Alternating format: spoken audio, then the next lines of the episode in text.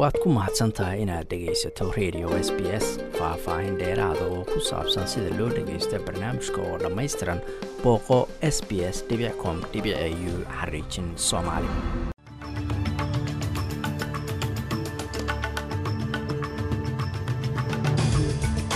Wararka caawana waxaa ka mida australia oo ku biirtay dalalka kale ee ay saaxiibada yihiin oo sidoo kale culanqabatayna ku soo rogtay dalka ruushka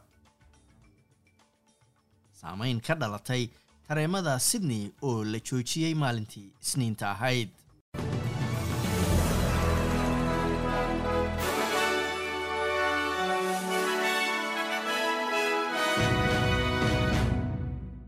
Australia ayaa ku biirtay dalalka kale ee reer galbeedka oo cunaqabatayn ku soo rogay dalka ruushka iyagoo ciqaab looga dhigayo falkeeda ku saabsan dalka ukraine ra'isul wasaare scott morrison ayaa sheegay in mamnuucid safar iyo cunaqabatayn dhaqaale lagu beegsanayo shakhsiyaad ka mida golaha amniga ruushka.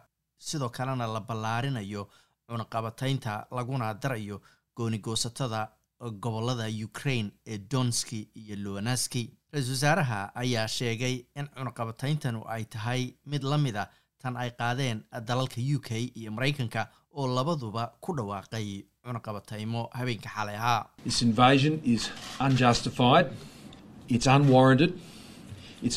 duulaanka ruushka uu wado ma aha mid qiil loo hayo. Waa mid aan la rabin waa mid aan marmarsiinyo lahayn. Waa mid aan la aqbali karin australia weligeed cagajuglaynta ma qaadato. Waana ka hor imaanaynaa ruushka annagoo kaashanayna saaxiibadeen. Aanu isku sida wax u aragno iyo dhammaan kuwa aaminsan inaan la aqbali karin in ruushku daldarisa weeraro. Dowladda australia si deg deg ah ayay cunaqabatayn ugu soo rogaysaa ayuu yidhi shakhsiyaad ruusha annaga oo uga jawaabayna gardarrada ruushku uu ku hayo dalka ukraine madaxweynaha ruushka valadimir putin ayuu baarlamaanka dalkaasi si rasmiya u siiyey ogolaansho uu ciidan dalka dibaddiisa ugu diri karo saacado uun kadib markii militariga dalkaasi ay u dhaqaaqeen aagga fallaagadu haysato ee bariga ukraine. Dhanka kalena maraykanka ayaa ruushka u diray digniin ah in wareegan hore ee cunaqabatayntu ay yihiin oo keliya bilow maraykanka ayaa cunaqabatayna ku soo rogay laba bangi oo waaweyn oo ruushku leeyahay. Waxay sidoo kale cunaqabataynta lagu soo rogay shakhsiyaad caanka ah ama awood kula dalkaasi iyo qoysaskooda. Ku-xigeenka la taliyaha dhanka amniga qaranka ee maraykanka dalib singh ayaa sheegay in wax walba miiska ay saaran yihiin haddii ruushku sii wado dagaalka uu kula jira ukraine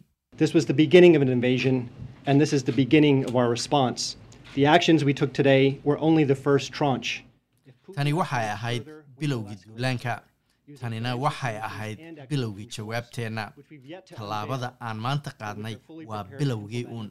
Haddii putin uu sii wado duulaanka annaguna waanu sii wadaynaa cunaqabataynaha dhanka maaliyadda iyo kuwo kale oo aynan weli shaacin laakiin aan diyaar u nahay inaannu ku dhaqaaqno annagoo kaashanayna saaxiibadeen iyo xulafadeenna adduunka. Oo dhan dhanka kalena jabaan ayaa sidoo kale ku dhawaaqday cunaqabatayno lagu beegsanayo ruushka iyo labada gobol ee goonigoosadka ee dalka ukraine. Labadan gobol ee ku yaalla dalka ukraine ayuu dhowaan madaxweynaha ruushka valadimir putin u aqoonsaday inay yihiin dalal madax bannaan cunaqabatayntan ayaa qayb ka ah dadaalla caalami ah oo cadaadis lagu saaraya ruushka si xal diblomaasiyadeed loogu helo xaaladda ukraine.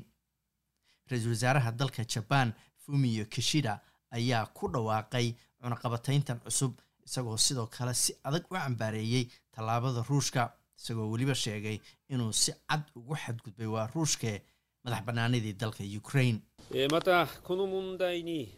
the perspective of coordinating with the international community to deal with marka laga fiiriyo inaannu la kaashanayna beesha caalamka sidaan arrintan u wajahayno jabaan waxay go'aansatay inay ku dhaqaaqdo cunaqabataynaha soo socda.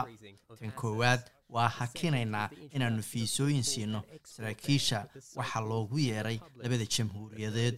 Hantidoodana waannu haynaynaa. Tan labaad waa inaannu bilowno inaan mamnuucayno inay wax naga soo dhoofsadaan ama wax aanu u dhoofinno tan saddexaadna waa dhanka dhaqaalaha ayuu yiri ra'iisul wasaaruhu. Premierka new south wales ayaa tala sharciyeed ka doonanaya in sharciga la jebiyey iyo in kale markii saraakiisha sarsare ee ka tirsan wasaaradda gaadiidka gobolkaasu ay joojiyeen dhammaan tareennada gobolkaasi. Dominic pertey ayaa sheegay inay ahayd in isaga lala socodsiiyo go'aanka lagu kansalay tareemadii sydney isniintii isagoo sheegay inuu baarayo in nidaamkii saxda ahaa la maray iyo in kale.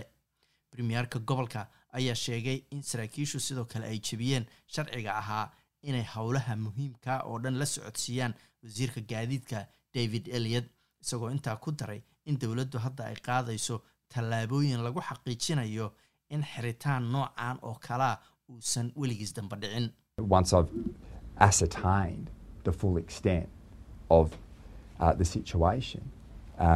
markaan si buuxada u ogaado sida xaaladdu ahayd markaas ayaan qaadayaa tallaabo kasta oo lagu hubanayo inaysan mar damba dhicin.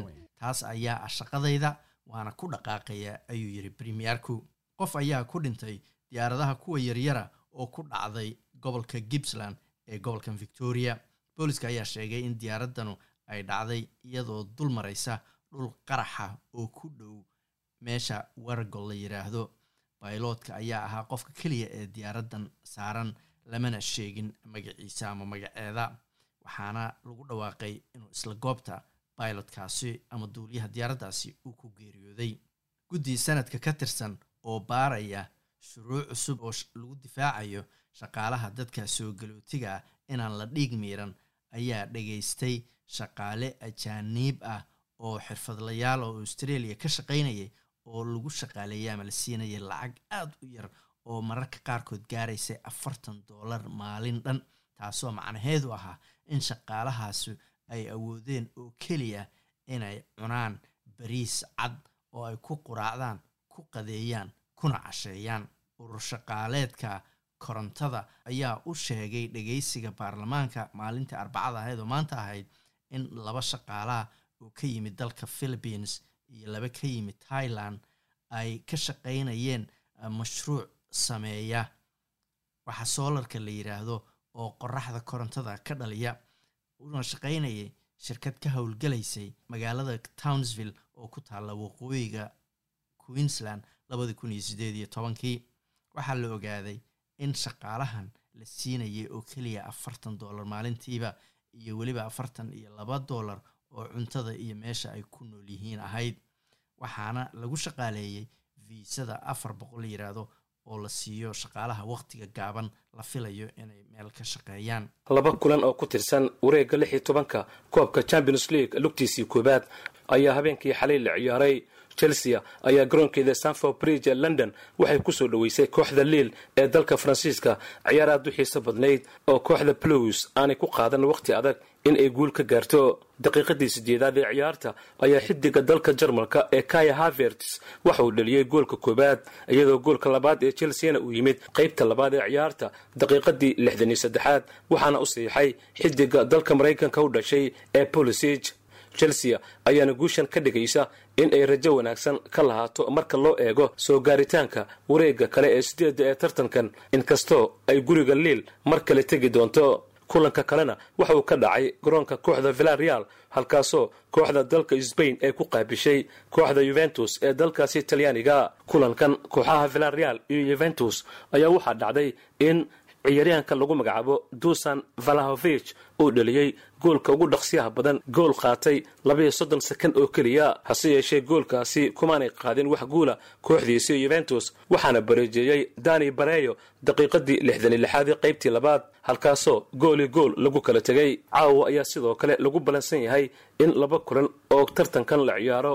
Atletico madrid waxay soo dhoweyn doontaa kooxda dalka england ee manchester united halka benfica ay iyana qaabili doonto kooxda ayax ee dalkaasi holand saddex kulan oo ku tirsan horyaalka dalka england ee premier leaga ayaa lagu wadaa in caawa sidoo kale la ciyaaro. Banley waxay la dheeli doontaa kooxda tottenham. Watford ayaa qaabili doonta crystal palace halka liverpoolna ay la kulmi doonto kooxda leeds united oo guuldaro ka soo qaadatay manchester. Dhanka kale feeryahanka la yidhahdo dilian white ayaa saxiixay marka loo eego in uu la dagaalami doono horyaalka miisaanka culus ee dhanka feerka ee tyson ferry dagaalkan ayaana la filayaa in uu ka dhici doono garoonka wembley ee magaalada london saddex iyo labaatanka bisha abril ee sanadkan. Tyson ferry ayaanan ku feertamin marka loo eego gudaha u k tan iyo bishii agost laba kun sideed iyo toban waxaana dagaalka uu la geli doono feeryahan dilian white uu noqon doonaa mid si weyn loo sugayo oo dhaqaale fara badan soo xareeya ugu dambayntiina xidhiirka kubadda cagta qaaradda yurub ee uefa ayaa ku fekeraya in ciyaarta finalka ee champions league laga wareejin doono magaalada st petersburg kadib xiisadda isa soo taraysa ee ka dhex jirta ruushka iyo ukrain xidhiirka uefa ayaa ku dhow in uu go'aan ka qaato islamarkaana ku dhawaaqo in uu wareejiyo finalka tartanka champions league iyadoona magaalada st petersburg qorshe uu ahaa in lagu qabto. Haddana waa saadaasha hawada berito oo khamiisa magaalada melbourne xoogaa rooba baa la filayaa labaatan iyo toddoba gaaraysaa. Sydneyna roobab ayaa la filayaa sidoo kale labaatan iyo sideed ayayna gaaraysaa. Halkii australian dollara maanta waxaa lagu sarifayay toddobaatan iyo saddex senti oo lacagta maraykanka ah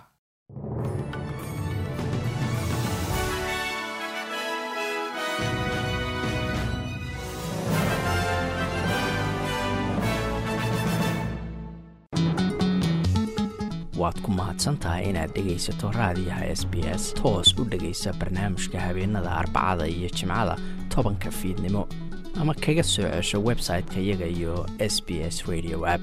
Booqo s b s com au xariijin soomaali